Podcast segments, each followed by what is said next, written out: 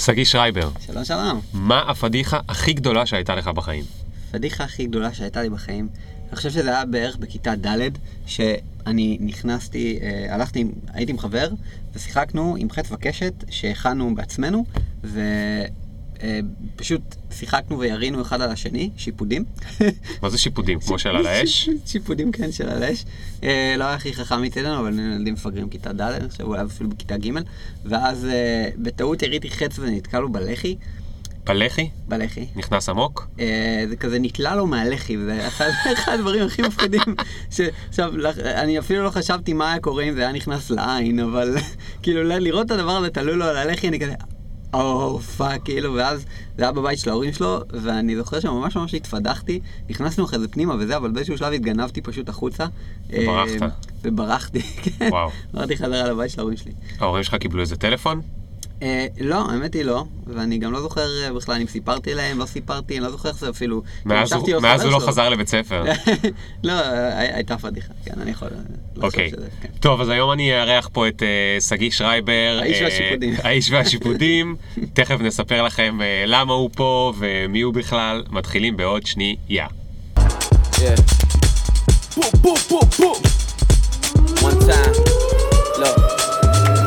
Ring the alarm, hot ass nigga. Big ass head so my dreams get bigger. Big campaign strong so my flows get sicker. Confidence bigger than a drunk ass nigga. Look, I'm היי, the שגיא, word מה קורה?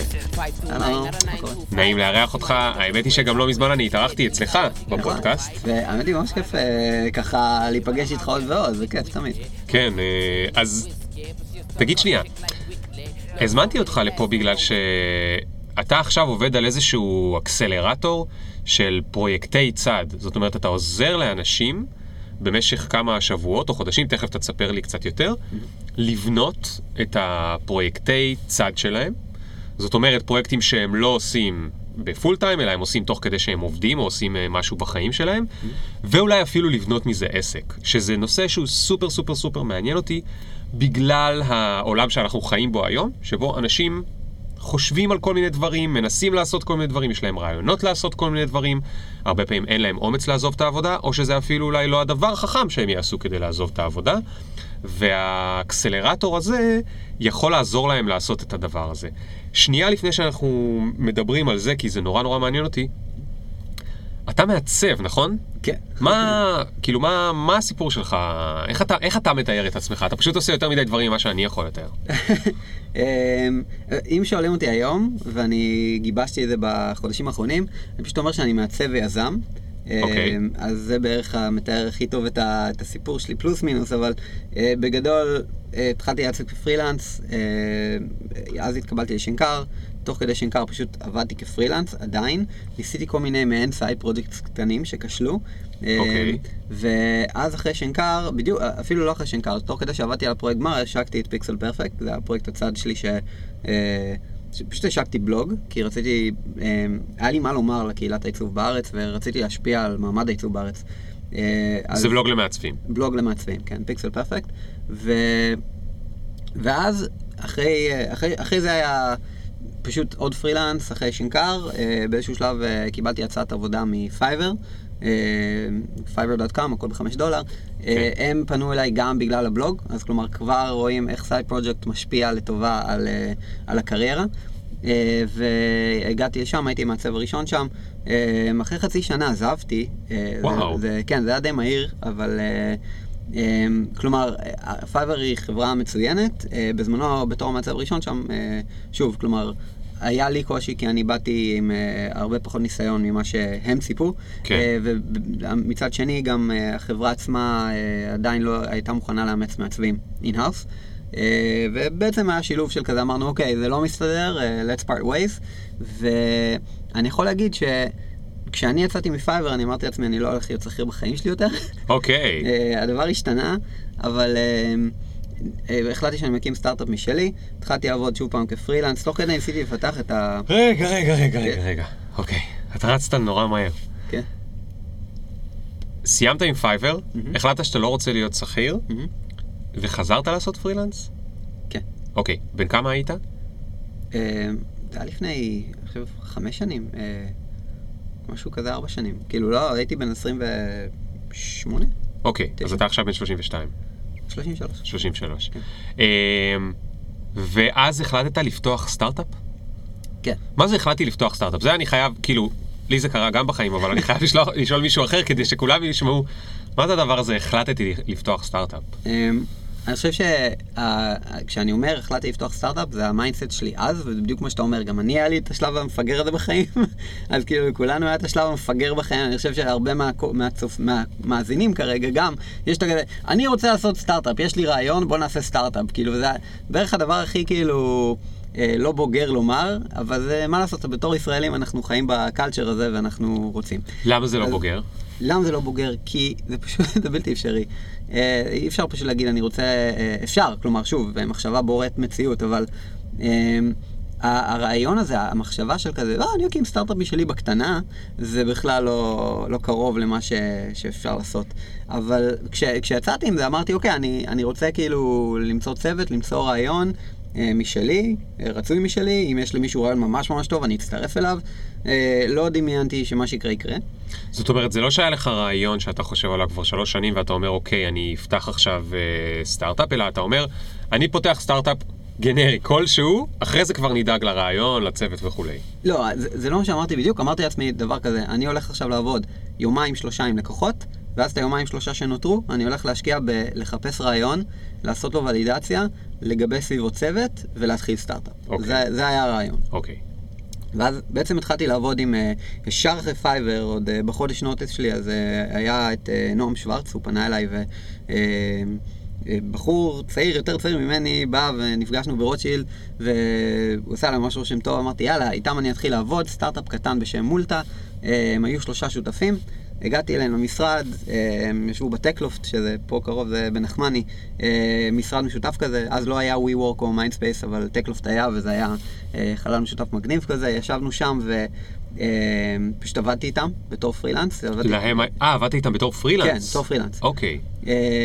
ו, ו, ופשוט כאילו התחברנו כל כך טוב, ואני בדיוק הייתי החוליה החסרה שלהם, הם היו אה, איש product, אה, CEO, נועם אה, היה CEO, אה, אלון היה איש product, אה, ואוהד היה CTO, בעצם המתכנת, אה, ואז אני הצטרפתי כמעצב. ואחרי בערך, נראה לי זה היה חודש או חוד, חודשיים אולי, אחרי שהתחלנו לעבוד יחד, הם פשוט באו אליי, נועם לקח אותי הצידה, אמר, תקשיב, אנחנו רוצים אותך איתנו כ-co-שותף, כאילו, co-founder. אוקיי, הציעו לך להיות שותף בסטארט-אפ. כן. נחמד. והם היו ממש ממש בתחילת הדרך, ו- ואמרתי... מה, מה הם עשו? מה זה היה מולטה? אמ, מולטה היה סטארט-אפ לאתגרים בין חברים, הם לקחו את הרעיון של I dare you to, של college kids, mm-hmm. והפכו את זה לאפליקציה. Um, אני לא יכול להגיד שתמכתי ברעיון. כאילו, אבל נועם אמר לי דבר כזה, הוא אמר לי, תקשיב, א', זה רעיון כאילו מגניב, אתה חייב, אני אמרתי נכון. אמ, ב', אמ, הדבר הזה, אנחנו לא יודעים לאן הוא ייקח אותנו, ואנחנו בונים פה כולם, זה סטארט-אפ ראשון שלנו, ואנחנו בונים אותו בלי קיצורי דרך, עקב לצד אגודל, ואנחנו הולכים לעשות את זה כאילו עם עבודה קשה, אתה מוזמן להצטרף. אמרתי, או, oh, זה קנה. זאת אומרת, הוא רצה לקנות אותך לא על בסיס הרעיון, אלא על בסיס הצוות והנחישות וה... והפאוור, כאילו. לגמרי. ה... כלומר, הוא, הוא רצה אותי כשותף בגללי, ואני רציתי אותם כשותפים בגללם. כלומר, כן. הם, הם היו אנשים, באמת, עד היום חברים טובים. אה, ואנחנו נפגשים כולם, כאילו, אה, אלון פה בארץ בתל אביב, נועם בניו יורק ואוהד בסן פרנסיסקו. וואו. אני ראיתי את שלושתם בסבב האחרון שלי בסן פרנסיסקו, ואני הולך לראות אותם עכשיו גם כן עוד פעם, אני טס עוד כמה ימים שוב. איזה יופי. אה, אז כאילו, שוב, חברים וחברים, ואז גם הצטרף דיוויד, השותף שלי היום ל Hacking UI, בערך איזה חודשיים אחרי, אני חושב, או משהו כזה, הוא, הוא הגיע. הוא הגיע לארץ, והוא בעצם נהיה front-end שלנו. ו... מפתח. מפתח, כן, מפתח front-end. ו... ואז כאילו הוא הצטרף אלינו, ואז היינו חמישה. וככה זרמנו בערך אה, אה, בקונסטלציה של חמישה, שהתקבלנו לאפווסט לאבס, חממה בפאלו אלטו. אה, חממת סטארט-אפים. חממת סטארט-אפים, אקסלרטור בעצם. אה, הטיסו אותנו לפאלו אלטו. אה, שם הייתה לנו וילה כזאת גדולה, זה היה כמו האח הגדול, חמישה סטארט-אפים בווילה אחת, וזה, וכל בוקר היינו נוסעים למשרד שלנו בפאלו אלטו, וזה היה כזה, ממש הרגיש ככה העולם הגדול, ואני זוכר את ההרגשה בסן פרנסיסקו, ובכלל באזור Silicon Valley, את התחושה של זה הרגיש בית. אני לא יודע, כאילו, איך, כאילו, זה פשוט, אתה נוסע פה בהרצליה פיתוח, ואתה רואה כל מיני לוגוים, סופר פארם, זה, אתה יודע, שם אתה נוסע, ואתה רואה כאילו Salesforce, טוויטר, זה, אתה, אתה פשוט, אתה הולך ברחוב, הנה המשרדים של טוויטר, למה לא, כאילו. אה, כל- המוצרים שאתה משתמש בהם, פתאום אתה רואה את, ה, את הלוגוים של, על, על הבניינים, כאילו, וזה... כי אתה נמצא במרכז של הכל. כן. וזה גרם לך להרגיש בית? זה גרם לי, זה, זה אני חושב, זה ההתחלה, לראות את השלטים בחוץ, ואז נכנסתי לבית קפה איזה יום אחד, פותח את המק שלי, את הלפטופ, שמק שכולם צוחקים עליי בארץ שיש לי מק, וכולם מסביבי עם לפטופים מלאים מדבקות, ואני אומר, או, הגעתי הביתה. זה היה אחד ה... ו- וגם הלכתי שם לכנסים אחרי זה, וכאילו למיטאפים, יש שם כל יום meetup במקום אחר. ממש הרגשת שמצאת את עצמך. ה vibe שם הוא, כן, הוא אחר לגמרי, וזה זה פשוט היה כיף. אה, אבל לא הייתי שם הרבה זמן, כי אני הייתי צריך לחזור מוקדם, נולדה לי אה, ליה, הבת הראשונה שלי, והחבר'ה שלי נשארו שם. אבל בשבוע הראשון שהיינו שם, קטלו לנו את האימא של הצורה לסטארט-אפ. אה, אחרי זה, אז היינו כבר אחרי pivot, כאילו כבר היינו אה, מאתגרים של I dare you to, כאילו מפגרים, לאתגרים אה, יותר מגניבים כאלה, bungee jumping, אה, צניחה חופשית, כן. לגיוס כספים לצדקה, לעמותות. מה? מה זה השינוי הזה? אה, זה, השינוי שעשינו, כאילו, כי לקרוא לזה pivot זה בקטנה. זה עדיין אתגרים, וזה עדיין אתגרים בווידאו שאתה צריך לעלות ולגייס כסף אליהם. אבל הכסף לא הולך אליך, הוא הולך לעמותות, והאתגרים הם לא יכולים להיות עכשיו פיפי קקי, כאילו college kids stuff. כן. אז עדיין היו דברים מגניבים ו- והיה traction, אבל כאילו, בסופו של דבר לשכנע אנשים אה, לעשות דבר כזה זה קצת קשה, לשכנע אותם. גם, אוקיי, בוא נלך לעשות bungee jumping, אוקיי, סבבה, עכשיו באמת תתקשר, תרים את הטלפון, תקבע לעצמך bungee jumping. אה, בוא נגיד, זה עוד שבועיים, כנראה עבר לך כבר בכיף של כזה, אוקיי, אני רוצה לעשות את זה. אני נגיד, והלכת ועשית את זה, להביא איתך מצלמה, לצלם, לחזור הביתה, לערוך, לעלות ליוטיוב, לשים את הלינק ביוטיוב, בפרופיל שלך, במולטה, ואחרי זה אולי הכסף יגיע לצדקה. לא אליך. אז כאילו זה היה איזשהו flow בעייתי. אמ, אבל המנטורים שהגיעו בפאלו אלטו שם, ב UpWest Labs, הם באמת אה, די קטלו אותנו. אמ, אה, שוב, היה לנו מוצר ממש טוב, כאילו מבחינת המוצר, מבחינת ה flow, עיצוב, אה, אמ, ה business model שלנו גם, יחסית לזה שהיה charity based, הוא היה גאוני, כאילו, נועם הוא גאון, כאילו, אבל בסופו של דבר, כאילו, אמרנו, אוקיי, זה לא עובד, ואנחנו צריכים לשנות משהו, ופשוט עשינו הרבה סשנים, פשוט דיברנו המון המון המון. בסופו של דבר הגענו, אה, נועם בא עם איזשהו רעיון, אה, כי הוא בא מתחום של Competitive Intelligence, והוא היה גם במודיעין בצבא, והוא פשוט אה, אמר, טוב, יש לי רעיון למוצר. כי כל פעם שאני רוצה לחקור בשביל איזה פיבוט לעשות, אין באמת מוצר שעוזר לי לחקור את המתחרים שלנו. ובואו נקים אז מוצר שחוקר את המתחרים של האחרים. אוקיי, אז בסוף החלטתם לעשות מוצר שעוזר לסטארט-אפים, כן. על רעיונות חדשים. כן, בדיוק. מעניין. אה, עוזר לסטארט-אפים בעצם אה, לגבש אה, אה, מידע על המתחרים שלהם. אתה הוט ואתה רוצה לרגל אולי אחרי יס או כאלה, לא לרגל, אבל לדעת מה ה marketing strategy שלהם. כן. אתה בא, אתה מזין את השמות של יס וסלקום TV וכל המתחרים שלך אה, באתר שלנו, והיית מקבל פשוט אה, בעצם מאיפה מגיע להם traffic. מה קורה ב social networks שלהם, אה, מה קורה מבחינת האנשים, היה לנו אפילו מודל כזה שמראה לך את הפאונדרים של בלינקדאין וכל מיני אה, תפקידי מפתח, והיית מקבל נוטיפיקציה אם מישהו היה עוזב, כדי לדעת ל- לתפוס אותו מהשוק. אתה יודע שיש אה, יש מחקר ששמעתי בפודקאסט של NPR על אה, פודקאסט אחד שנקרא Hidden Brain, הוא ממש מדהים. אז היה שם אה, דניאל פינק התארח שם, והוא סיפר על מחקר של קורלציה בין חופשות של אה, CEOs בחברות וכמה טוב הולך לחברה. אז הם מסתכלים מתי CEOs יוצאים לחופשה, וגם מתי CEOs חוזרים באמצע חופשה לחברה. ולפי זה הם יודעים כאילו ל- ל- לצפות אה, כמה טוב הולך לחברה, או האם יש שם משברים. שזה קטע. טוב, אז מה, מה היה עם המוצר הזה? הוא הלך? אז אחרי שבוע החלפנו מוצר לחלוטין, התחלנו לעבוד על מוצר חדש. אמ, החבר'ה באפוס לאבס, אה, גיל, אה, אה, שולי, כלומר לירון, הם, הם כולם מאוד תמכו בנו, המשקיעים שלנו תמכו בנו אפילו, שזה לא ברור מאליו, כשאנחנו באים אליהם ואומרים, שומעים, ההשקעה שלכם וזה, אבל החלפנו מוצר, כולם תמכו כי בגדול, אפילו כמו שאמרנו מקודם, שכאילו אני הצטרפתי בגלל החבר'ה, הם רצו אותי בגללי, כלומר, כל, הכל עניין של חבר'ה, וזה משהו שלקח שאפשר ללמוד, כאילו, הכל עניין של אה, אה, חומר אנושי. וכל מי שתמך בנו שעשינו את המעבר הזה פשוט אמר, הכל טוב חבר'ה, אנחנו מאמינים בכם, אתם אחלה צוות ותמשיכו. אמ, וכן, כלומר זה, זה משהו שאני יכול להגיד כאילו לכל מי שנכנס לסטארט-אפ ושוקל להצטרף כ-co-founder בסטארט-אפ, א', זה חתונה קתולית, ב', לזכור שחתונה קתולית אתה רוצה אה, עם אנשים שכיף לך להיות איתם כל יום במשך זמנים קשים וקלים. אז זה כן. כאילו משהו שהוא, הם חברים שלי עד היום, למרות שכבר אנחנו לא ביחד בסטארט-אפ, אבל כאילו, אה, חברים זה חברים, וזה לא משנה כאילו מה, זה, זה כמו אחים. אז... אה, אז זה, זה עניין הצוות. אוקיי, אז החלפנו, אני חזרתי לארץ, אה, עבדתי איתם מרחוק, בנינו את ה brand, בנינו את המוצר, התברגנו עם אה, דמואים בלינקדאין וסיסקו, התחלנו לקבל פידבק מאנשים בשטח, כאילו שאיך הם עובדים עם המוצר שלנו. אה, עד מהרה, כשחזרנו לארץ, אה, חיפשנו שני דברים, אחד השקעה, לגייס עוד כסף, ושתיים, אה, שיתופי פעולה.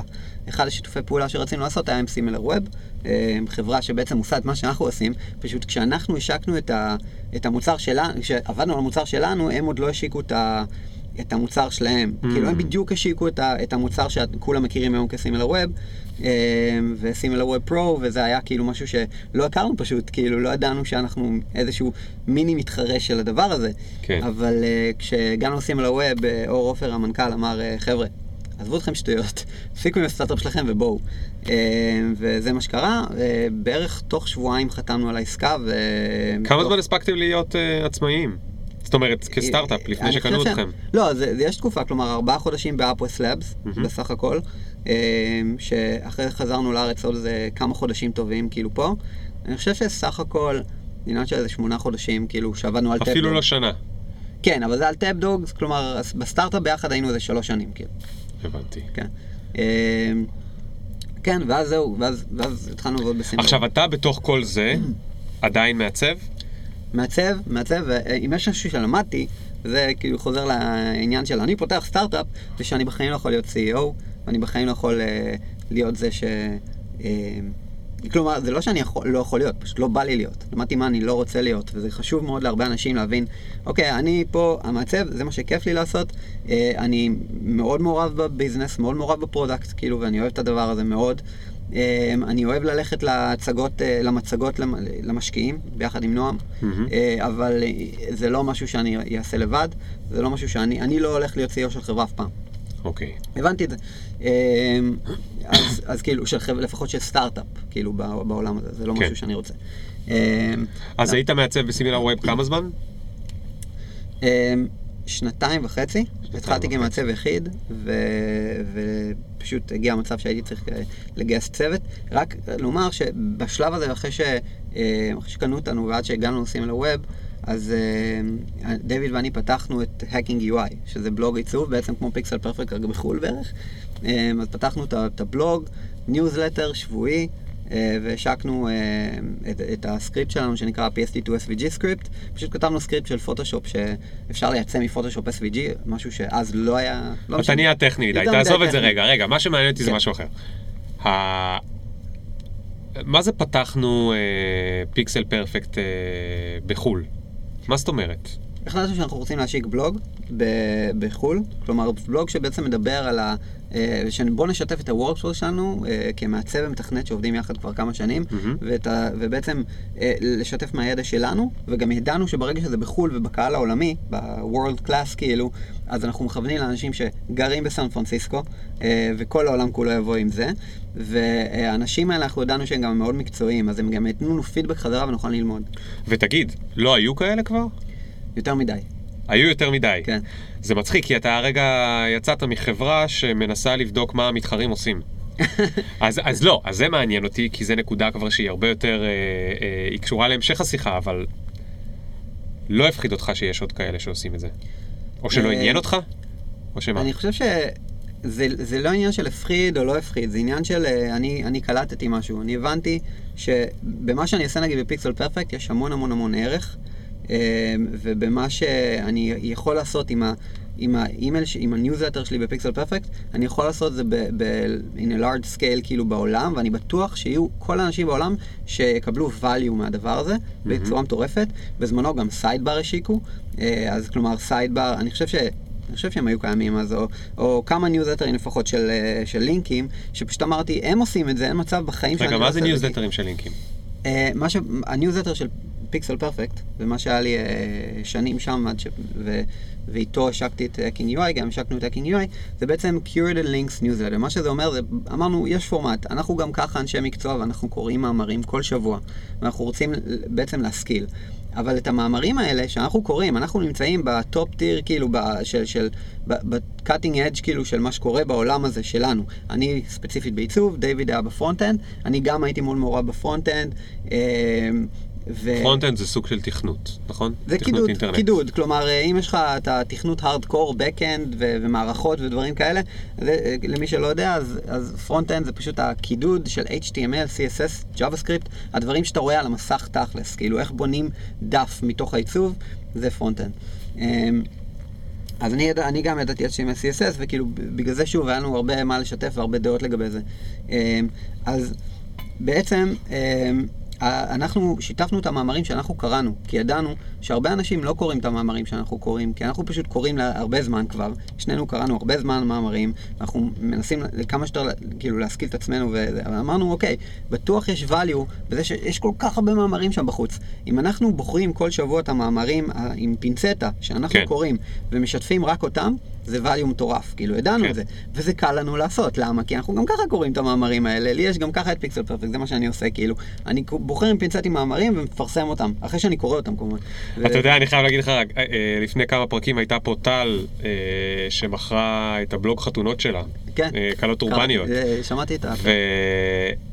ואיתה גם דיברתי ארוכות על העניין הזה של קיוריישן, של אוצרות, של לבחור את, הד... נכון. כמה בגלל שהאינטרנט הוא עצום וענק, לבחור את הדברים זה מעניין. היא גם היה לה איזה מושג לזה, היא קראה לזה היא פינצטה. קראה לזה פינצטה, בגלל זה כן. מצחיק אותי, כי גם אתה השתמשת באותה מילה, נכון. זה, זה ממש משהו שיש בו ערך. אז הבנתם שיש בזה ערך, ואז אמרתם, אוקיי, אנחנו נעשה את זה גם באנגלית. תגיד לי, אתה הולך ופותח בלוג, בלוג באנגלית, מאיפה בכלל יש מישהו שכאילו יודע עליו?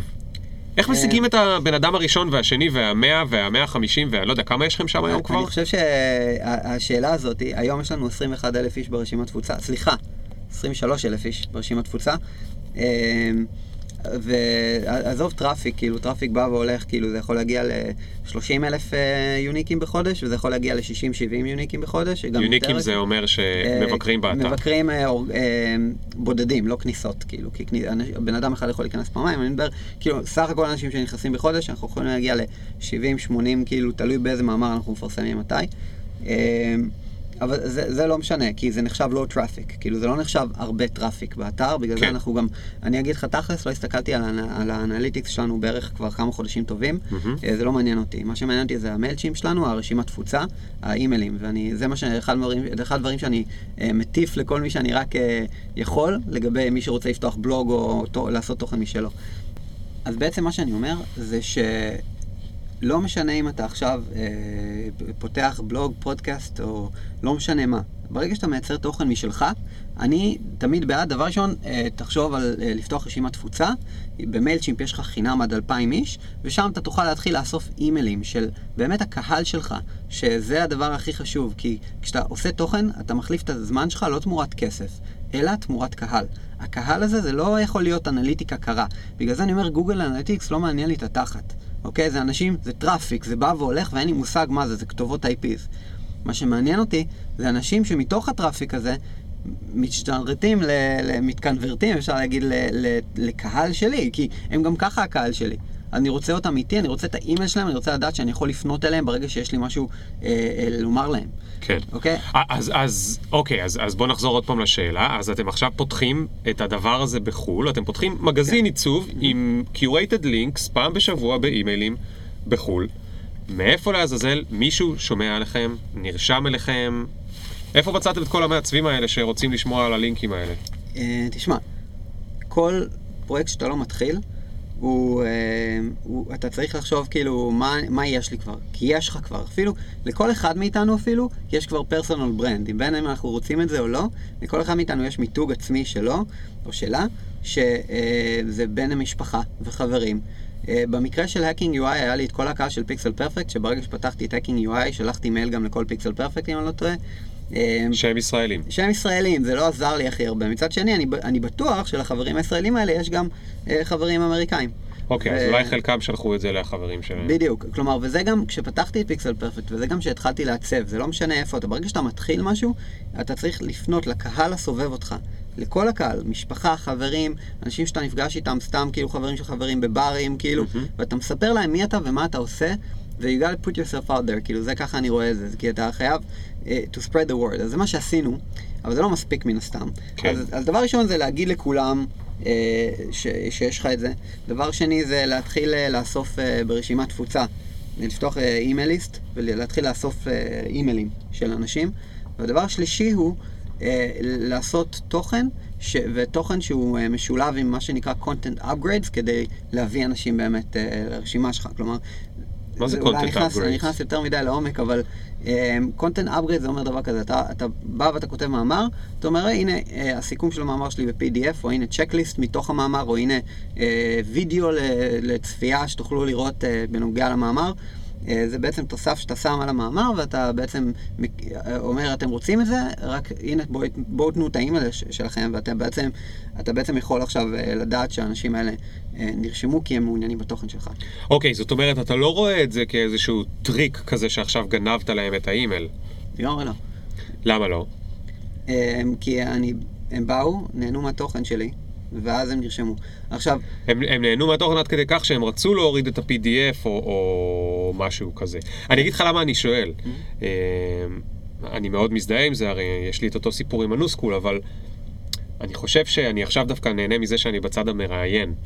הרבה פעמים אנשים, אתה יודע, יש לכל אחד, זה מצחיק איך ה- לתת את האימייל הזה, זה נהיה מין אה, משהו עם מלא מלא פסיכולוגיה. אתה יודע, יש נגיד אנשים שרואים פופ-אפ, הם בא להם לשבור את המחשב, הם עפים מהאתר, יוצאים ממנו וזה. אני גם כזה. אתה גם כזה? כן. אוקיי.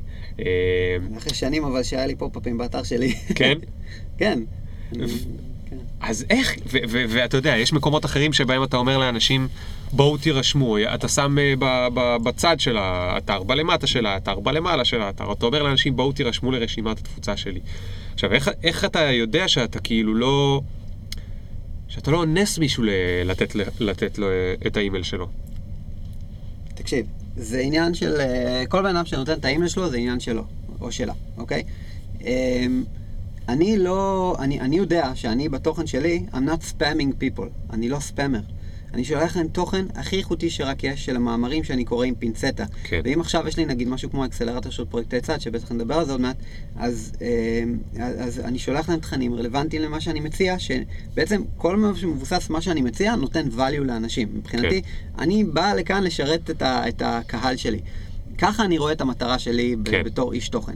עכשיו, אם אנשים שנרשמו ושמו את האימייל שלהם באתר שלי, לא משנה טריק או לא, אתה יודע מה, אפילו טריק הכי מלוכלך, איכשהו עשיתי להם איזה dark pattern כאילו, והם נרשמו. אז עדיין, אם הם עכשיו מקבלים תוכן איכותי לאימייל שלהם ממני, ולא בא להם, יש למטה לינק מאוד ברור, שום דבר זה, unsubscribe. גם תקופה מסוימת היה לי אותו גם למעלה, פשוט היה לי ניוזלטר מאוד ארוך, הייתי צריך להוריד את זה מהלמעלה.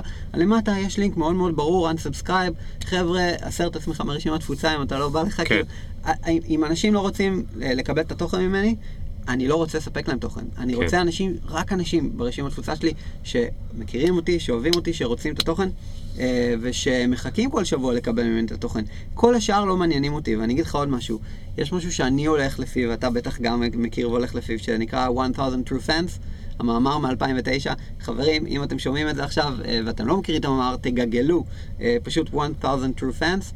אה, ואתם תראו שבעצם זו נוסחה שאומרת, אם יש לך אלף מעריצים, אתה כגוף תוכן אה, אה, או איש תוכן, יש לך אלף מעריצים, ומעריצים שבאמת אוהבים אותך, באמת מחכים לקבל ממך תוכן, זה אומר שאתה כבר מוצלח. עכשיו, מסביבם יהיה את המעגל החיצוני של אנשים שאולי קצת אה, אה, מעריצים בסדר, או לא מעריצים לגמרי, אבל סבבה איתך, אבל זה לא משנה, כאילו ברגע שיש לך אלף מעריצים אתה מוצלח. אז כאילו... כן, הוא נותן שם דוגמאות מזמרים ומאומנים ומכל מיני אנשים כאלה ש... כשאתה כל כך מעריץ אותם, אתה יודע שהם באים לארץ, אתה קונה כרטיס, בכלל לא אכפת לך איפה יהיה ההופעה, ואתה יודע שיצא דיסק חדש, אתה קונה אותו עוד לפני שאתה יודע איזה שירים יש בו. לגמרי. זה ה-1000 true fans האלה. לגמרי. אה, אז אני מכוון לאלף, לא, יש לי כרגע 23 אלף ברשימת תפוצה, אני מכוון לאלף בשביל אה, שממש ממש יאהבו אותי. כן, אני בטוח שעדיין אין אלף שממש ממש ממש אוהבים אותי, מתוך ה-23 אלף שיש לי ברשימת תפוצה. כן, אני לגמרי, אני לגמרי מבין על מה אתה מדבר. אז ה... אז, אז בעצם פתחתם בלוג, נקרא Hacking UI, אה, אתם שולחים לינקים, יד היד היד הזה פתח, הפך להיות לעסק? כאילו, מה, מה, כן. מה הסיפור? כן, וזה עוד משהו... אני שואל כי, כי בגלל ההצלחה של הפרויקט צד הזה שעשית, כי מי שלא זוכר מה שקרה, אתה התחלת לעבוד בתור מעצב בחברה שקנתה את הסטארט-אפ הקטן שעבדת בו, ומהצד עשית את Pixel Perfect בארץ, מגזין עיצוב, וגם את Hacking UI, מגזין ל- אה, אה, לחו"ל. זאת אומרת, שני פרויקטי כן, צד. האמת היא, עצרנו באמצע הסיפור באמת, כאילו, של, ה, של הרקע שלי, אז אני, אני אמשיך משם.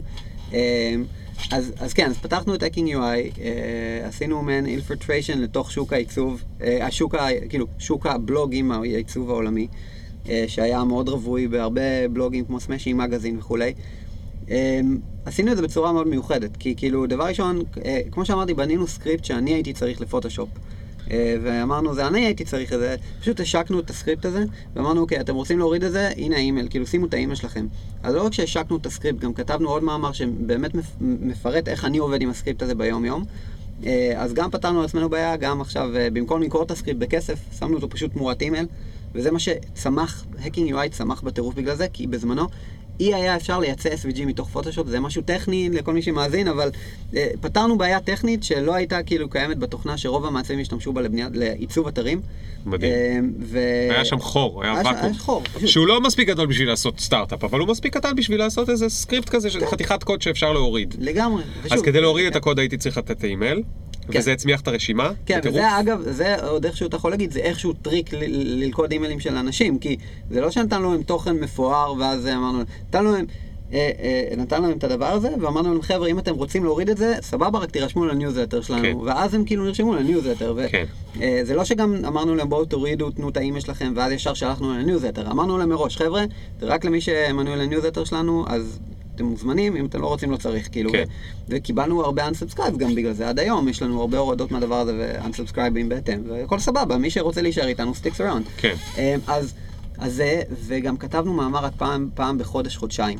שזה היה משהו לא ברור מאליו, כי כאילו, Smashing Magazine וכל אלה, הם מוציאים איזה מאמר שתיים ביום, כאילו. כן. אמ, גופים יותר גדולים, שלוש עד תשע מאמרים ביום. אנחנו, אמ, שלושה עד תשע, תשעה מאמרים, העברית שלי, אני ממש מצטער. בסדר. אה, אז, אז, אז, אז, אז מי שכאילו, אנחנו הצענו אחד בחודש, אחד בחודשיים גג, אבל הם היו ממש ממש ממש איכותיים. ואז אנשים, זה יצר אצלם expectation לקבל מאיתנו את התוכן. וככה ה-reputation שלנו גדל בתור ברנד. ואפילו כתבו עלינו במאמר שדיבר על כל, ה, על כל הדבר הזה של האם כדאי להשיק, אה, אה, להוציא מאמר פעם בכמה זמן, או כל הזמן, כאילו, בשביל להצליח כבלוג. ואז ציינו את השם שלנו, ואני כזה, אה, דיוויד, דיוויד, תסתכל, דיברו עלינו לא בהקשר של עיצוב אפילו.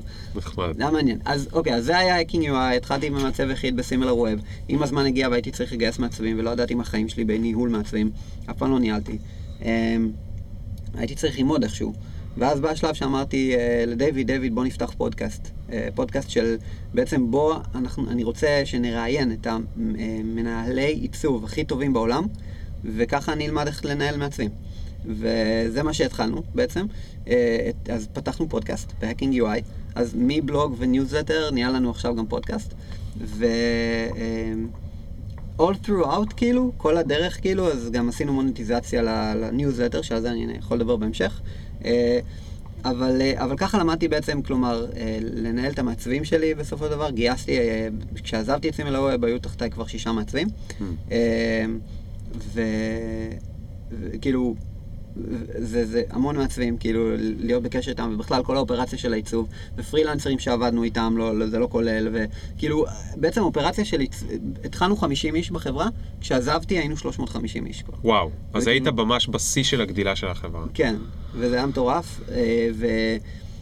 וראיינו את ג'ון לקס ואת, אה, כאילו, אמת קונלי מאינטרקום, אה, ג'ון לקס הוא מפייסבוק, ראיינו עוד מישהי מ- מליסה מפייסבוק, ראיינו את אה, בילי קיילי, ה-VP product של InVision, אנשים מטורפים, כאילו, מחברות מטורפות, באמת, מ-Etsy, מכל מיני מקומות, כאילו, לקחנו אותם מנהלי עיצוב וראיינו אותם. אני חושב שזה גם נותן השראה קצת לאנשים בארץ, כי ישבתם אתם הקטנים והחמודים בתל אביב, וראיינתם את המעצב. מפייסבוק והמעצב מ-InVision ומ-Intercom וכולי. כן.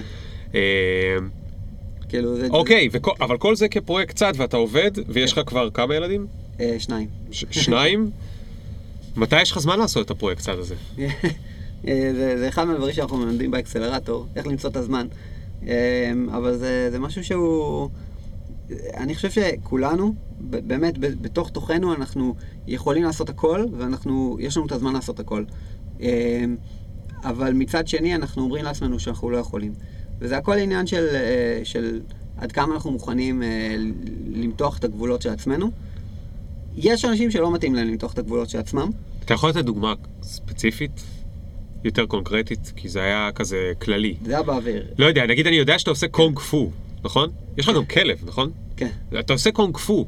מתי יש לך זמן לעשות קונג פו? אם יש לך כלב, שני ילדים, פרויקטי צד, אה, אה, עקרונית הדבר הוא כזה, הכל עניין של, אה, וזה מה שאנחנו לומדים באקסלרטור, הכל עניין של תיאום ציפיות ומציאת הרוטינה.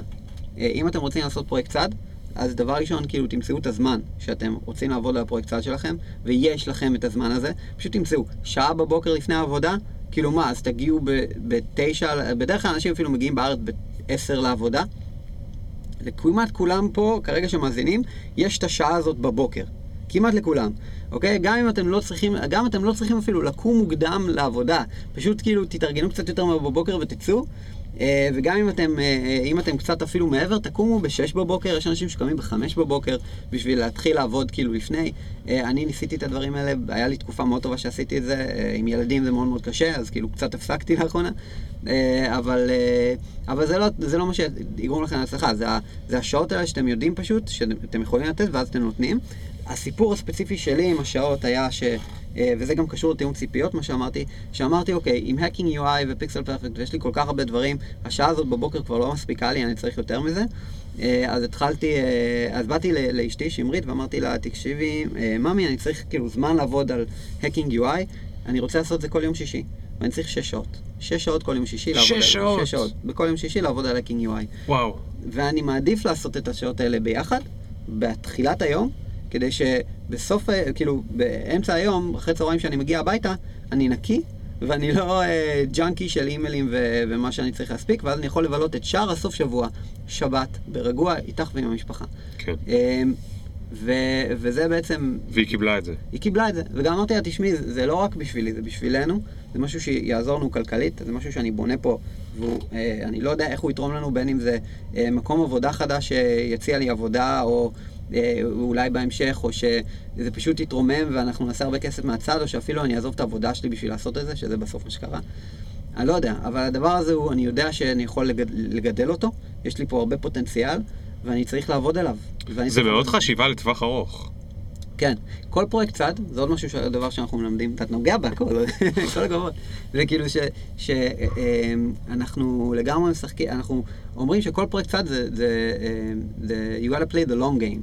את, זה משחק לטווח ארוך לגמרי, כלומר, אה, צמיחה, והרבה אנשים שמתחילים את הפרויקט צד שלהם, ואולי פותחים רשימת תפוצה ומתחילים להוציא תוכן, אה, הם לא, הם לא מבינים איך הצמיחה כל כך איטית. ואני לא מדבר על פרויקטי צד שהם לבנות אפליקציה, כי בזה בכלל אני לא נוגע. אה, אני לא מאמין בזה גם כל כך, כאילו, אבל נדבר על זה בהמשך. אבל, אבל כאילו, אני מדבר על פרויקט צד שאתה בא ואתה אתה פותח איזשהו גוף תוכן, או אם אתה פותח מוצר ותוכן סביבו, אז אתה, יש לך שבועות שיש לך רק שני נרשמים לרשימת תפוצה, וזה מבאס, כאילו, ואתה אומר, בואנה, כאילו, שבוע אחרון, ואני side project, ואני משקיע עם כל הזמן שלי, מעבר לזמן שלי של העבודה, משרה מלאה, ילדים, משפחה וזה, ורק שני אנשים נרשמו לי, כאילו, ל-email list, כן. זה לא הגיוני אפילו, זה כאילו, בא לי להפסיק עכשיו. ו... אה, אני יכול להגיד לך שאני חווה את זה עכשיו עם, אה, עם היוטיוב channel שלי, שהוא חדש לגמרי. כן. יש לי ערוץ יוטיוב, אה, ו, ובו אני בעצם מתאר את החיים שלי כיזם שעזב את העבודה שלו ועכשיו מנסה להצליח בעולם הגדול. ו, וזה לא קל, כאילו, גם על- לערוך זה לוקח כל כך הרבה זמן מהחיים שלך, ולצלם, ו, ובסוף כמה אנשים צופים? 40 ס- אנשים צופים בסרטון שלי? כן. אפילו לא לייק אחד, אולי איזה תגובה פה ושם, כאילו. אה, זה, זה, זה מבאס, כאילו, אתה אומר, כאילו, איפה הצמיחה המטורפת? יש לי כבר תוכן מאחוריי, אני כאילו, איפה כל הקוראים של Pixel Perfect, Hacking? אז מאיפה היה לך את הסבלנות? מאיפה היה לך את הראייה לטווח הארוך הזה? כל דבר שאתה, כל שקשור בסייד פרויקט, וכדי שאתה רוצה שזה יצליח, אתה חייב את הסבלנות הזאת. והסבלנות הזאת היא, היא לא כזאת קשה, היא לא עולה כסף, היא, היא סך הכל, זה לא שאתה משקיע כסף, אתה משקיע מהזמן שלך, לא מהכסף. כן. וכמו שאמרתי קודם, you're trading time for audience, not money. כאילו, אתה חייב, אתה חייב לקבל את ה-mindset הזה. כי ה- זה ה mindset שהביא אותך אחרי זה ל-holy grail, שזה החופש הקריאיטיבי שלך בתור בן אדם, לפי דעתי. אה, הקריאיטיבי, ועם הקריאיטיבי יבוא גם הפיננסי. אז רגע, יפה. אז, אז כן. גלשנו וגלשנו, ודווקא אני שמח שגלשנו, אבל עכשיו נחזור שנייה. אתה עובד ב SimilarWeb, מה קורה עם Hacking UI? הוא גדל, הוא כן. גדל, והוא גם מתחיל לעשות כסף? כן, אז Hacking UI, אה, יש לנו את ה... אה, התחלנו ב-2014, איך שהתחלנו את פיקסל, כבר לשנה הראשונה התחלנו לקחת sponsors. אה, משהו כמו איזה ארבעה עד שישה חודשים עד ש... אחרי שהתחלנו. מה זאת אומרת? אה, התחלנו לפנות למפרסמים, להגיד להם, אתם רוצים לשים לינק בניוזלטר שלנו, אה, זה יעלה לכם 200 דולר לחודש, כלום מהמם. כסף, וכל שבוע יש לנו ניוזלטר. כלומר, הם קיבלו מ-200 דולר לחודש ארבעה לינקים ממומנים בניוזלטר.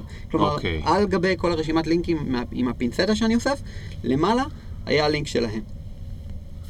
אז לקחנו ארבעה כאלה בשנת אה, 2014. אה, בסופו של דבר הגענו ל-6,000 דולר רווח ב-2014 ממפרסמים, שזה לא רק של כל השנה. פרויקט. של כל השנה, כן. נכון, נחמד. זה לא רע, נחמד. אה, אבל הצמיחה האמיתית באה ב-2015. רגע, אתם ידעתם שזה יהיה המודל העסקי של הניוזלטר הזה? כן, זה היה די כשהתחלתם ברור. אותו? כן. אוקיי, כלומר, אה, זה, זה היה גם common thing, כאילו, אנשים עשו את זה, כאילו, בכל מיני newsletterים אחרים. זה היה הבנתי. כזה... ראיתם דוגמאות, כן. ידעתם שזה עובד. כמו שיש לך אתר, אתה רואה באנרים באתרים אחרים, ואתה אומר, אני אשים גם באנרים בשלי, זה אותו דבר בערך. אה, ראינו ש Sidebar עושים את זה, שעוד כל מיני newsletterים כאילו שמים לינקים למעלה, ולא ידענו אפילו כמה הם לוקחים, זה לא עניין אותנו. אה, פשוט אמרנו, אוקיי, אנחנו נכנסים לשוק חדש, כמה מרגיש לנו נוח לקחת, אתה יודע, שמים את האצבע למעלה, 200. אה, ואז כאילו, עלינו, עלינו, עלינו, הגענו בסופו דבר, ב-2015 הגענו ל-600 דולר ללינק, אה, לניוזלטר אחד. כלומר, אם מ-200 דולר, כלומר שזה אומר 50 דולר ללינק, אז... אה, 200 דולר ארבעה ארבעה ארבעה שבועות. שבועות, כן, אז בעצם 50 דולר ללינק בניוזלטר, הגענו ל-600 בניוזלטר.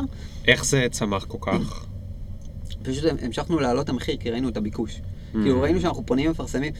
עוד דבר שעשינו, גם פנינו למפרסמים שראינו ב newsletterים אחרים. כלומר, באיזשהו שלב אמרנו, אוקיי, כאילו, אם הם מפרסמים שם, יש להם תקציב כנראה ב marketing department שלהם לפרסם גם אצלנו. כן. אז אם נפנה אליהם, אז יגידו לנו כן, כן, לא, לא, אבל אין להם שום בעיה, זה לא שאנחנו באים עכשיו למישהו שאף פעם לא פרסם בניוזלטר ואומרים לו, שמע, יש לנו דרך בשבילך לפרסם את העסק שלך. לא, הם כבר עושים את זה, מכירים בזה, אה, זה כנראה הולך להם טוב, אז אה, יאללה. אני חושב גם, לא אמרת את זה, אבל זה לא מובן מאליו, חשוב לציין שלא פניתם לחברת טיטולים או לחברת מכוניות.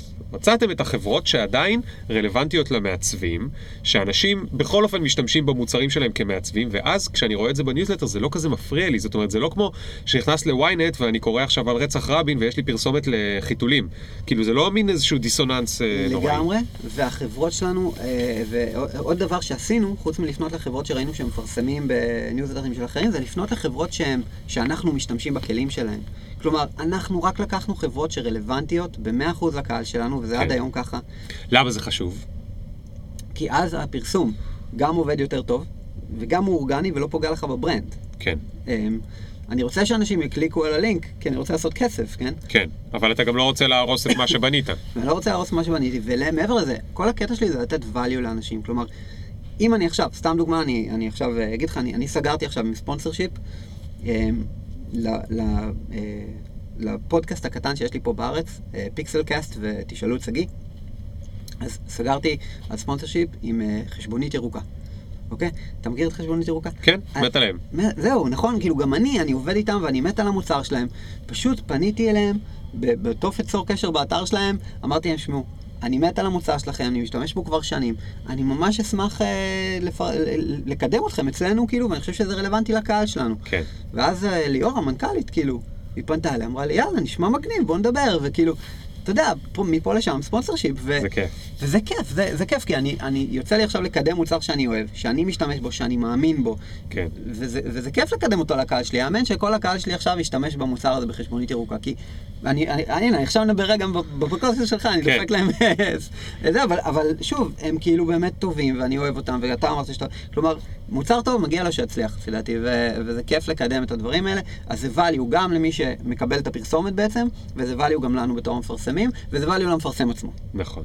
איזה יופי. אוקיי, אז Hacking UI מצליח, הוא עושה כסף. 2014, 6,000 דולר, ב-2015, 64 אלף דולר. אוקיי, פי עשרה. כן. זאת אומרת, אתה כבר מתחיל לחשוב, רגע, אולי הפרויקט צד הזה הוא כבר לא כל כך בצד. כן, זה בעצם מסביר למה ב-2016 קיבלנו את ההחלטה לעזוב את המקום העבודה שלנו. קיבלנו זה עוד פעם, זה אתה ודייוויד השותף. ודייוויד ואני, כן. אמ, אתמול בדיוק אה, עשינו אתמול וובינר, והשאלה הסופית, האחרונה שהיינו צריכים לענות עליה, היא מה הרגע הכי מרגש ב-journey הזה שלך עם Hacking UI. אמ, ודויד כזה, או, שגיא, מה, יש לך רעיון? ואני אמרתי, כן, בטח שיש לי, כאילו, הרגע הכי מרגש לי ב journey הזה שלנו, היה שאני זוכר, זה היינו למטה, כאילו, מתחת למשרד של SimilarWeb, דויד בדיוק הגיע, כי הוא היה בסידור בבנק. ששם אני כזה. מזכיר למי שלא זוכר, זו החברה שקנתה אתכם כשהייתם הסטארט-אפ כן. הקטן. כן. אה, שנתיים וחצי אחרי, אה, דיוויד, אה, אה, כבר, ודיברנו על זה שאנחנו, אנחנו די ידענו שאנחנו רוצים לעזוב כבר, זה כבר היה די סופי כזה שאנחנו מקבלים את ההחלטה, כן או לא. אה, ואז דיוויד אה, בדיוק חזר מאיזה סידור, ואני, אה, ואני באתי אליו למטה שם, ואמרתי לו, מה העניינים דויד? הוא עושה, כן, שמע, אני, זהו, אני החלטתי שאני עוזב, אה, אני הולך להגיד להם, אה, אתה, אתה לא חייב לעזוב איתי, לך יש משפחה, ילדים, משכנתה. אה, אתה מבחינתי כאילו, תגיד להם מתי שאתה רוצה, אני, אני זהו, אני עכשיו יודע שאני רוצה לעשות את האקינג UI, כאילו, זה השלב הבא שלי וזה מה שאני עושה. ואני אמרתי לו, ואני באותו זמן, באותו רגע קיבלתי החלטה מיידית. היה לי, היה לי גל של פחד, כזה כאילו כמעט השתנתי במכנסיים, ואחרי הגל של הפחד, וזה עניין של כאילו חמש שניות, אמרתי לו, טוב, אני איתך אחי. אמר להם היום. עושים את זה. כן. איך אני אוהב את הרגע הזה. איך אני אוהב את הרגע הזה. זה קרה לי עד היום, אה, אני חושב, פעמיים, בקטע שבו כאילו אתה יושב עם חברים בחדר ואתה אומר, הולכים על זה. אבל לא כי אתה מטומטם, אלא כי משהו במציאות כן. גרם לזה שאתה יכול להאמין שכדאי לך ללכת על זה. כן, איזה, איזה רגע מטורף זה. כן. רגע, ומה עם שמרית? אז אמרת לשמרית, לאשתך שאתה עושה את זה? אה, אז עם שמרית. כן, היא, כלומר, היא הייתה בשיח. אני מזכיר, אתה כבר, מדובר על 2016, אז זה השנה, אתה כבר אבא לשני ילדים, כלב, אה, משכנתה. אה, משכנתה, אוקיי, אה, ועכשיו הרבה אתה צריך. להגיד לה, אני עוזב, אני עובד בחברת הייטק, שם משלמים מעולה, כן. אני עוזב, כי יש לי איזה ניוזלטר עם לינקים, משהו כן. שאת יודעת שהולך, וזה אחרי ש... זה, זה, זה, זה לא רק זה, זה עוד יותר זה לא מסובך. סיפור טוב, אתה יודע, זה לא נשמע טוב למי שלא זה עוד מבין. יותר מסובך מזה, כי בדיוק לפני, חודשיים לפני זה, קיבלנו החלטה איתה שהיא תעזוב את מקום העבודה שלה ותחזור ללמוד. אוקיי. אז היא עזבה כבר את מקום העבודה שלה. כן. אמ, ו- ופשוט כאילו זו הייתה החלטה מהגשמה עצמית שלה, שאנחנו לקחנו ביחד. אמ, ו- ועדיין לא היה את הפ- על הפרק שאני עוזב את העבודה שלי, כי... אמ, אז כן, אז אמרתי לה כאילו, אמרתי לה, אבל היא ידעה שזה כנראה הולך לקרות, כאילו, ו- ו- אז הדיבור היה בבית. כבר הייתה כאילו, על מוכנה זה. נפשית. כן, זה שזה אופציה, והיא לא ידעה מה זה אומר, אבל יש לנו אורך רוח כבר מעניין הסטארט-אפים, חודשים שלא משכנו שם משכורת, כן. וכזה. אמ, מתי זה היה? לפני כמה חודשים?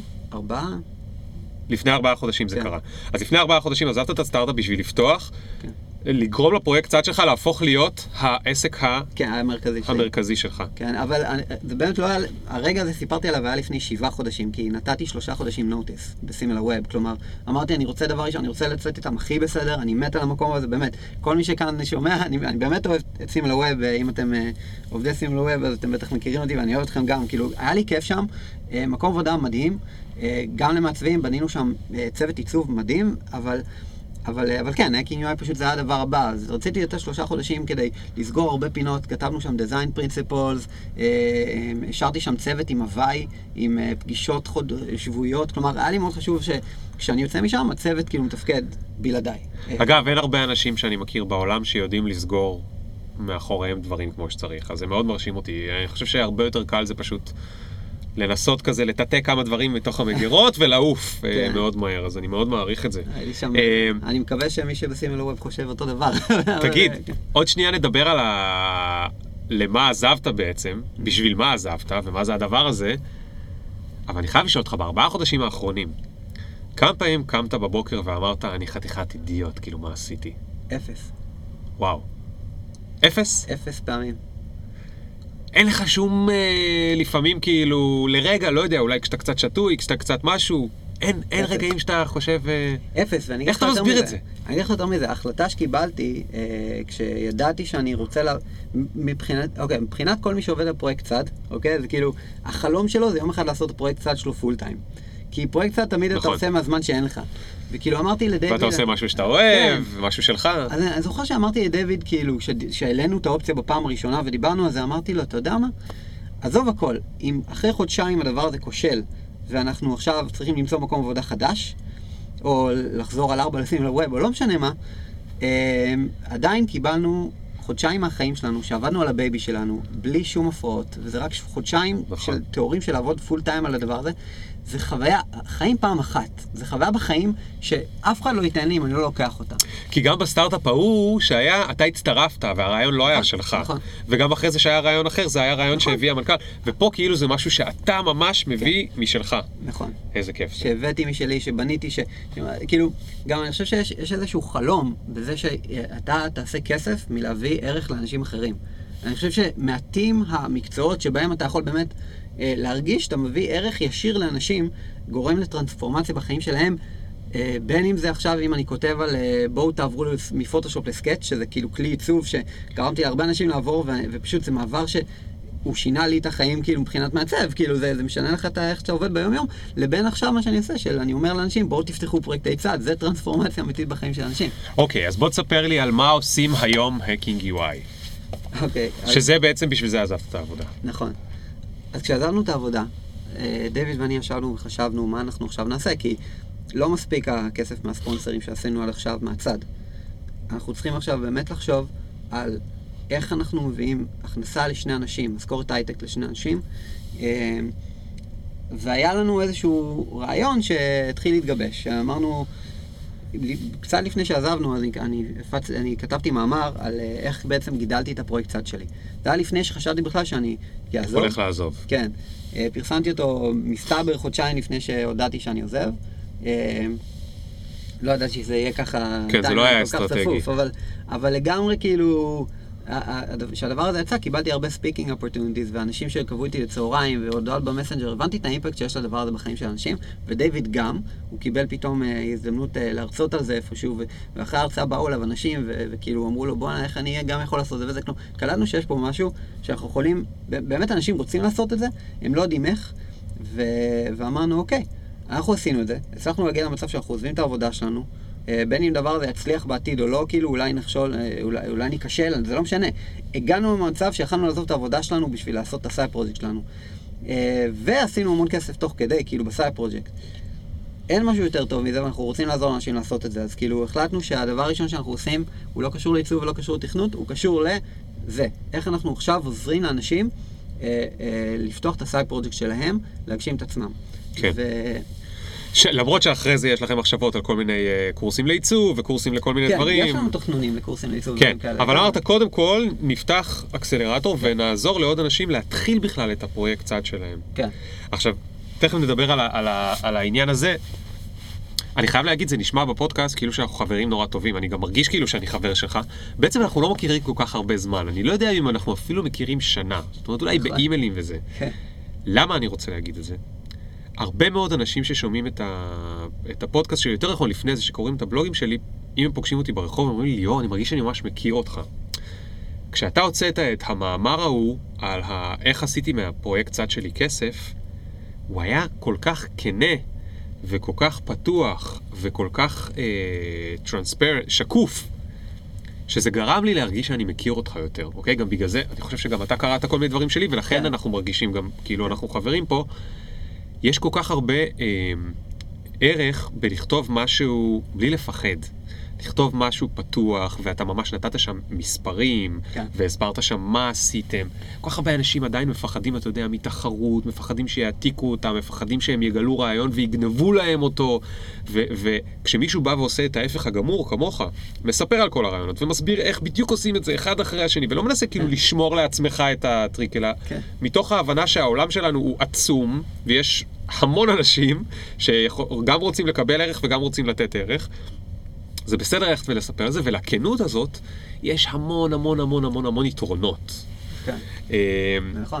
אז, אז עכשיו נחזור ל, ל, לדבר הזה שאתם uh, הקמתם, שזה אקסלרטור חממה ל, לפרויקטי צד. מה זה אומר בכלל? אז מה שזה אומר זה שכשחשבנו על איך אנחנו נעזור לאנשים לעשות את זה בצורה כאילו מקצועית, אז אמרנו, אוקיי, יש לנו את האפשרות לעשות mentoring, ובעצם ללמד אותם באופן, אה, כאילו, אתה יודע, עצמאי, או שיעורים פרטיים כזה סוג של, אה, לעשות קואוצ'ינג. אה, יש לנו אופציה לעשות אה, קורס אונליין, אבל זה לא באמת מה שרצינו לעשות, כי רצינו את הליווי שלנו בתוך התהליך. כן. אז uh, קצת, uh, כלומר, אנחנו חיים בעולם הזה, אנחנו רואים שאנשים קצת משחקים, והיום יש כבר יותר חופש ממה שהיה פעם בתוכניות האלה. אז החלטנו שאנחנו פותחים תוכנית שהיא משלבת קורס ועוד, אה, וקומיוניטי, וליווי. מה זה אה, אומר? מה זה אומר? זה אומר ש... אז בעצם בנינו קורס בין שמונה שבועות. הקורס עצמו אה, מכיל שמונה שיעורים, ש- שיעור אחד בכל שבוע. אה, וזה זה וידאו קורס כאילו, אה, ובו אנחנו מלמדים את כל מה שאנחנו למדנו בשלוש וחצי שנים האחרונות. זה החל מהפילוסופיה של כאילו למה לעשות פרויקט צעד, ואיך למצוא את הזמן, ואיך לעשות תאום ציפיות, ואיך אה, עם, עם, האח, עם האהובים עליך וכולי בשביל לעבוד על זה, ואיך, אה, אה, מה זה בכלל אומר side project, ומה זה אומר כאילו כל ה-giver versus taker approach, ודברים כאילו שהם קשורים בפילוסופיה. שיעור שני קשור ב Mailchimp. אה, ובכלל, ברשימת תפוצה, כמו שאמרתי לך קודם, אנחנו אומרים, דבר ראשון, אתם חייבים שיהיה לכם רשימת תפוצה, כי זה בעצם, משם תעשו את הכסף שלכם. כלומר, בסוף הקורס אנחנו מבטיחים לך, הדבר היחיד ה tangible שאנחנו מבטיחים, מבטיחים לך ורוצים להבטיח לך זה רשימת תפוצה. יש לך רשימת תפוצה כאילו, אה, משלך, שכבר אנשים התחילו לזרום פנימה. אני רוצה לדבר על זה שנייה, כי מי שלא מגיע מה- מהעמוק עמוק מהעולם הזה, לא מבין את הקטע של אה, אה, רשימת תפוצה. פרויקט צעד, הוא בא, אתה יודע, בן אדם מפתח, לא משנה עוד פעם, אם זה אפליקציה או מפתח תוכן, מפתח מוצר או מפתח שירות חדש, יכול להיות שזה לא חדש, יכול להיות שזה משהו שהוא פשוט מוסיף לעולם שכבר יש לו. מה הקטע הזה ברשימת תפוצה? כי פעם, מה שהיו באים ואומרים לך זה, לך תפתח, לא יודע מה, אפליקציה, לך תחשוב על איזשהו שירות חדש שאתה עושה. כשזה מוכן, לך תמצא את האנשים ותמכור להם. נכון? ככה זה היה עובד. כן. הרשימת תפוצה היא גישה קצת שונה. תראה, אתה אומר להם, תתחילו עם הרשימת תפוצה. אז ת, תסביר קצת למה אתה חושב שזה הדבר הנכון. איך אתה מגיע כל פעם לנקודות שאתה אתה ממש... כלומר, הד- הד- הדבר שאנחנו מלמדים בשיעור הראשון של הפילוסופיה, וזה בעצם, ה- זה המתודולוגיה שלנו, וזאת הגישה שאנחנו באים איתה, היא נקראת Audience Driven Product Development. אפשר בעברית? מה זה אומר? אה, פיתוח אומר, מוצר, פיתוח מוצרים, מונחה קהל. או לקוחות. קהל, אוקיי. לא לקוחות. קהל, אוקיי, כן. קהל. מה זה אומר? זה אומר שאנחנו עכשיו, מה שקורה בסטארט-אפים, וזו הגישה הנפוצה בעולם הסטארט-אפים, זה אני אבוא, אפתח מוצר. אה, המוצר הזה כנראה רעיון שלי, אה, יכול להיות שעשיתי את זה בצורה טובה, אג'יילית, לין, לא משנה מה. פיתחתי מוצר, שמתי את כל הביצים בסל במוצר הזה, אה, ואז אני, אחרי שהמוצר הזה מפותח, אני מתחיל לנסות, או תוך כדי אני מתחיל לנסות למצוא את ה-product market fit, מה שנקרא. אה, וזה עובד, כלומר, זה, זה גישה, הנה, חברות ענק נבנות מזה, אוקיי? כן. אמ, אז אם זה עובד, זה עובד בענק, ואם זה כושל, זה פשוט כושל באופן אבסולוטי. כלומר, כן. בדרך כלל ואתה, כן, וזה בדרך כלל זה כושל. נכון. ואתה הולך הביתה, ואז אתה מחפש את הרעיון הבא, ואתה אה, מנסה להתגבר, כן. וסבבה. אגב, בדרך כלל זה כושל כי רעיונות שאנחנו חושבים שהם גאונים, הם כן. לפעמים לא כל כך גאונים, או לא כל כך נכון. מתאימים לאנשים. לגמרי, ולמצוא את ה product market fit, חברות גם גדולות מאוד עד היום מנסות למצוא את זה, למצוא את זה ועדיין לא מוצאות. כן, תראה מה קרה למייקרוסופט עם הסלולר שלה. אגב, זה מתחיל לקרות לטוויטר. כן.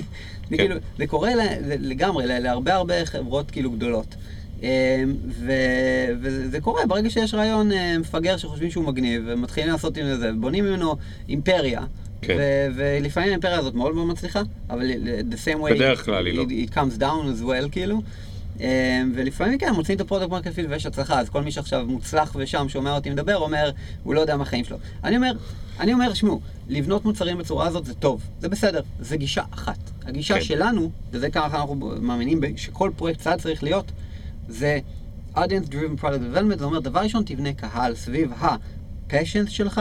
למה passions? כי אתה רוצה ליהנות מלעשות את ה side project הזה, זה בזמן הפנוי שלך, אז כדאי שתהנה מזה, ואם יום אחד תעשה את זה full time, כדאי שתהנה מזה. כן. אה, אז דבר ראשון, כאילו, build audience around your passions, מקונטנט שאתה מייצר, מתוכן, אה, ואז ברגע שאתה עושה את זה, אתה יכול להשיק לקהל הזה, שאתה מכיר טוב, מוצרים. המוצרים האלה כנראה כמו מוצרים שבגלל שהקהל הזה הוא אנשים כמוך, כמוני כמוך, כאילו, אז הוא, הוא פשוט ייהנה כאילו מהמוצרים שלך. אה, אז א', לכוון לקהל שהוא כמוך, אה, זה אומר ש... אה, וכמו שאמרנו קודם, 1000 true fans, אז כאילו זה אומר שאם נגיד ואתה, אה, הפשן של, אה, אני אומר, אני עכשיו אשתמש את, כי יש גם נשים שמאזינות לפודקאסט אני מניח, אז אם את עכשיו, התשוקה הכי גדולה שלך עכשיו, יש לך איזה פטיש על... אה, SUP. על, מה? SUP, התחלתי לגלוש על SUP. לא, לא, אני אגיד לך יותר מזה. את ספציפית אוהבת לחקור פטריות מסוימות שגודלות במחוז שנדונג בסין. אוקיי. אוקיי? הכי נידח בעולם, הכי נישה, לא קשור בכלום. מה לעשות, זה מה שאת אוהבת לעשות אה, בזמנך החופשי, את מגגלת על זה ומוצאת אה, מה קורה עם פטריה הזאת, איפה היא מתפתחת, מתפתחת, באיזה הרים שם. You better believe שיש עוד לפחות אלף איש, אם לא מאות אלפי אנשים, ששרופים על הדבר הזה גם כן. נכון. ספציפית על הסוג הזה של הפטריה שגודלת ספציפית במחוז שנדונג בסין. אז אני אומר שלא משנה כמה נישה, אפילו the better, the smaller the niche the better, כאילו, הרבה פעמים. אם הנישה ממש קטנה, הכל טוב, זה בדיוק מה שאתם רוצים. אז אם אתם אוהבים SUP, זה כל כך widespread, כאילו כל כך הרבה אנשים כבר אוהבים SUP, כאילו דברים כאלה, זה, זה, זה no brainer. אבל, אה, אה, ו, ושוב, זה גם נוגע למוזיקה, זה נוגע להרבה תחומים אחרים. רצוי, רצוי שזה דבר אחד שקשור בתחום המקצועי כלשהו, כי אז הרבה יותר קל לעשות לזה מוניטיזציה. מוניטיזציה זה ש- לעשות מזה כסף. סליחה, לעשות מזה כסף. אגב, אה, סתם דוגמא, אם זה הורות, אז אפשר לעשות את זה הרבה יותר בקלות כסף, וההורות זה יכול להיות תחביב מעולה, כאילו, זה, אבל סתם דוגמא, כאילו, משהו שהוא לא קשור בכלל לתחום העסקי, אבל יש בו הרבה כסף, אבל אה, בוא נגיד שרצוי בתחום העסקי, כי אתם רוצים לקדם את עצמכם בקריירה, נגיד אני בתור מעצב כתבתי על עיצוב. אה, וזה עדיין כותב על עיצוב, מעניין אותי עיצוב, כאילו, זה הפשן שלי, אוקיי? אה, למצוא את הזן הזה, האיזון בדברים, אוקיי. אז זה אחד אה, אה, בתחום העסקי. והדבר השני שכדאי שהוא יהיה, זה כדאי שהוא... אה, התחום, התחום עסקי.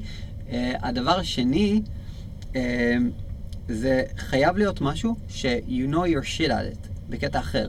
כלומר, לכל אחד מאיתנו יש דברים שאנחנו uh, uh, אוהבים, בגלל שאנחנו אוהבים אותם אנחנו מעמיקים בהם, ואז הנה פה יש לנו את הדבר הזה ביחד. אין דבר כזה של משהו שאתם לא אוהבים, אבל אתם יודעים בו ממש הרבה. זה the bullshit, כאילו. ואתם גם לא תרצו לעשות את זה. אבל, אז שתי הדברים שאמרתי הם, הם תנאים הכרחיים, אבל הם באים ביחד תמיד.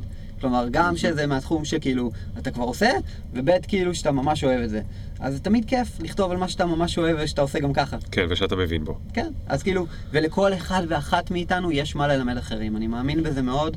לכל אחד ואחת מאיתנו, כאילו לכולנו יש את הניסיון שלנו, של החיים. אנחנו לא חייבים לצאת בפוסטים ומאמרים ופודקאסטים, לא להגיד לאנשים, תעשו ככה, תעשו ככה, תעשו ככה, אלא בתור, היי, הנה הניסיון שלי, הנה מה שאני למדתי. הנה הפטריות. הנה הפטריות, זה מה מה שאני שעושים למדתי מהם. עליהם בשנים מהם האחרונות. תה, עושים כן, מהם... אה, שימו לב איזה מוזר שבשנים האחרונות הם עברו מההר אה, בדרום המחוז להר אה, בצפון המחוז, כאילו, כן. אין, לגמרי, כאילו, אז אני חוזר לאיפה שממנו יצאנו. לכן אתם מלמדים על רשימת תפוצה. נכון. כי אתם אומרים, בואו ננסה להביא אנשים שמתחברים למה שאני אוהב גם, עוד לפני שאני יודע איך אני הולך לעשות מזה כסף. כן, לגמרי, זה הדבר הכי חשוב, הקהל. טוב, ומה אחרי זה? אז מייצרים תוכן, מייצרים קהל סביב זה. שוב, זה, זה עניין חברתי מאוד, אני חושב, באיזשהו מקום, כי אם, אם אתה מסתכל כאילו על, ה, על הדבר הזה, אוקיי, למה, למה בכלל להביא קהל?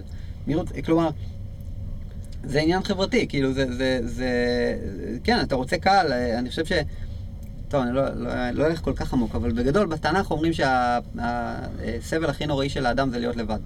אה, אבל כאילו, זה, זה פשוט, אה, אנחנו בתור, למה אנחנו רוצים להיות אה, מוצלחים וסלבים וכאלה? שוב, עניין של לגבש קהל זה משהו שאומר, אני לא לבד, יש עוד אנשים שמתעניינים בפטריה הזאת בסין, אה, והנה יש לי קהילה שאני יכול לדבר עכשיו כאילו עם עוד אנשים like minded. אז אותו דבר, זה כאילו, אתם צריכים לכוון לקהל של אנשים שהם כמוכם, ושתשמחו לשבת איתם על כוס קפה. טוב, ומה עוד יש בשיעורים שם? זאת אומרת, מה עוד, אוקיי. חוץ מהשיעורי וידאו, אז מה, אז מה עוד אה, אתם אז- עושים שם? אז- כי אז- אני אגיד לך מה הבעיה שלי.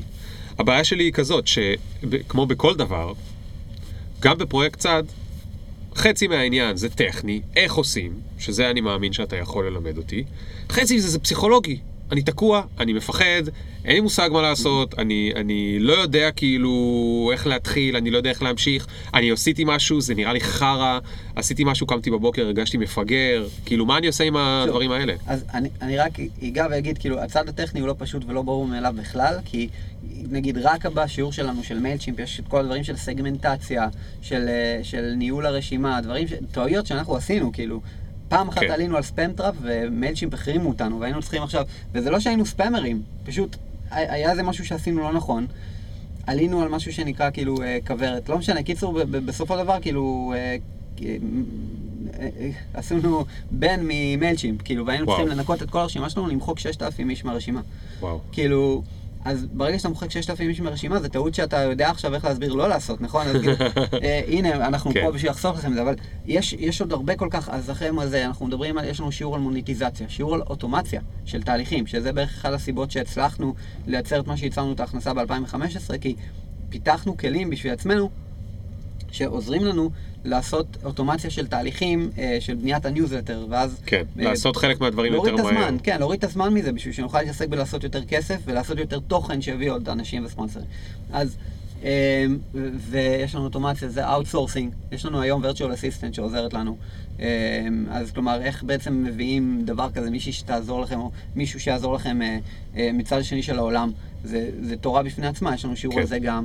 אה, בקיצור, יש לנו גם על פורמט של podcasting, יש לנו שיעור, יש לנו שיעורים מקיפים שעל כל הצד הטכני. עכשיו, אתה אומר הצד הפסיכולוגי וה- והליווי על הדרך, וזה בדיוק מה שאמרתי, שלא רצינו לעשות זה עוד קורס וידאו, כי זה לא מספיק מבחינתנו. כן. מה שאנחנו עושים, אנחנו שמים את כל, ה, את כל ה members, את כל החברים ב, ב, באקסלרטור, בקהילת Slack, אה, קבוצת Slack, Slack זה אה, צ'אט... אה, זה כמו וואטסאפ. לעסקים. כן, כמו וואטסאפ לעסקים, אחלה דרך לתאר את זה, ו...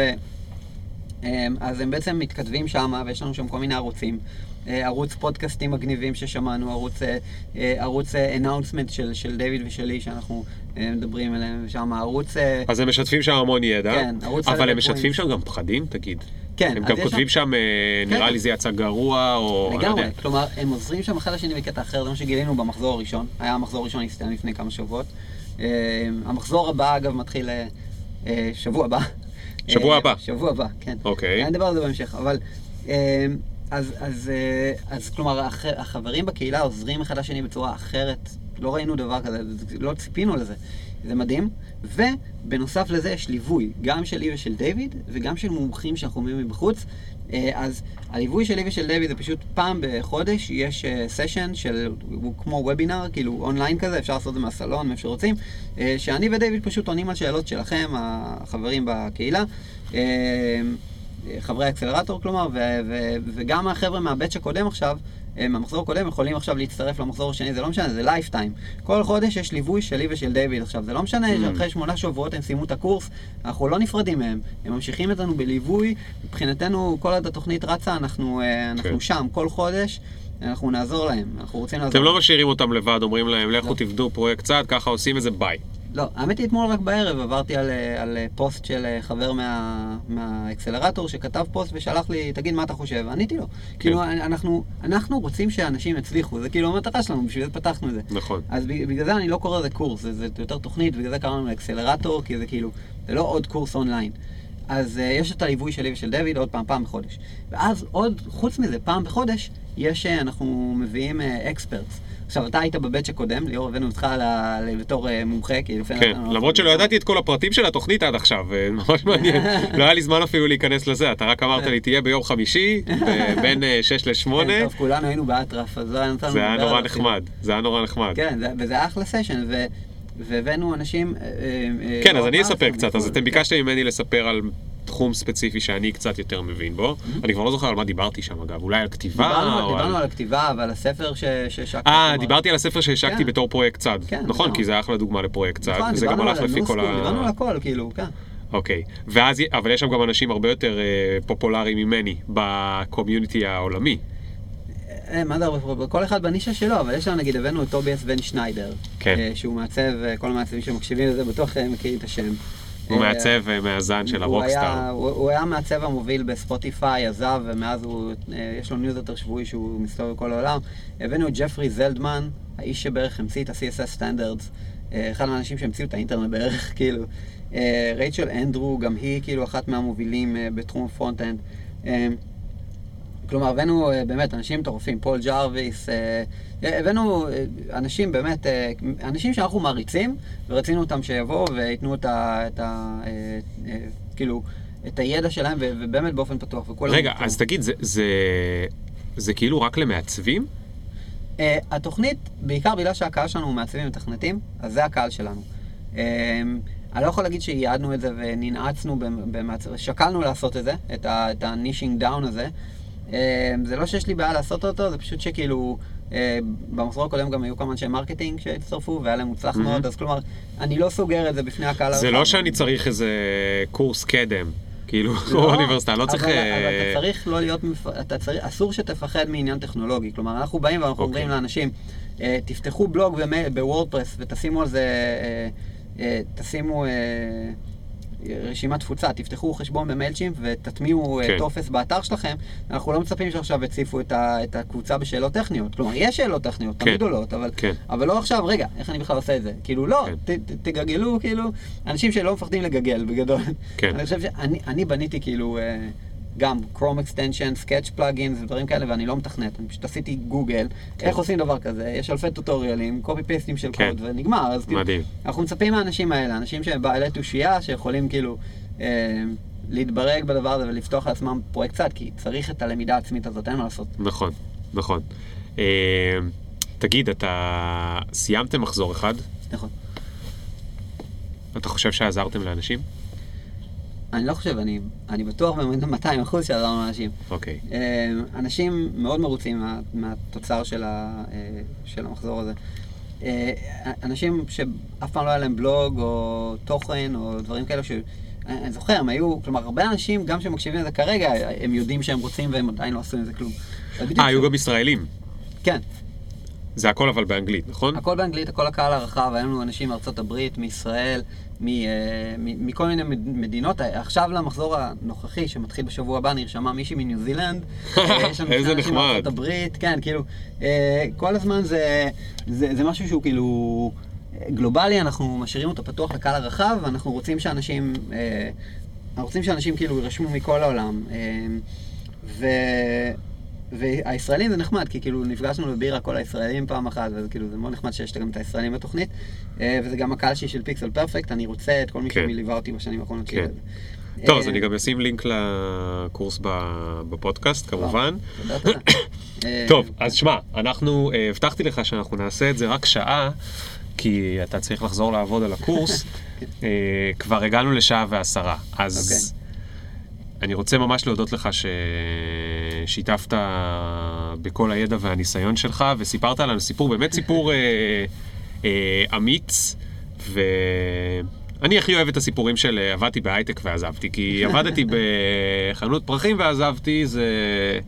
זה יותר קל לעזוב. כשעובדים בהייטק ויש משכורת הייטק, לעזוב צריך, כן. צריך קצת יותר אומץ, וזה רק, זה שיש הרבה סיפורים כאלה, זה רק מדגיש בעיניי כמה באמת לעשות משהו שאתה מתחבר אליו, אה, בסופו של דבר מנצח הרבה דברים אחרים. כן. תשמע, side project זה lifestyle change. זה פשוט, זה כאילו, אתה עושה את זה בשביל הלייפסטייל שלך. לפי דעתי, ככה אנחנו רואים את זה. כן. אז אני רוצה לסיים בשאלה אחרונה, שאלת ה... השאלה המשותפת. אה, אתה טס במטוס, המטוס מתחיל לנחות, אה, נחיתת אונס, אתה יודע שאתה כנראה הולך להתרסק, טפו טפו טפו שלא יקרה. אה, יש לך שתי דקות לחשוב, מה הדבר הזה שלא הספקת לעשות או שאתה מצטער שלא עשית? וואו. וואו. אה, כלום. כלום, אני מאוד מאמין בדיטצ'מנט וב... ובניתוק, וכל מה שהספקתי, הספקתי, וכל החלומות שהשגתי, לפי דעתי, אין- לי איזה משהו ספציפי שאני בראש. טוב, זה מדהים. אה, חברים, מי שעוד אה, נשאר כאן עד הסוף, אני הולך להוסיף לכם כבונוס, בגלל מה ששגיא אמר, את הווידאוים שלו עושה קונג פו. יש שם הרבה סלטות מצחיקות. יש לי סרטון אחד שאני שובר לבנה בסין. כן? שאתה שובר לבנה? טוב, אז תביא לי את הסרטון שאתה שובר לבנה.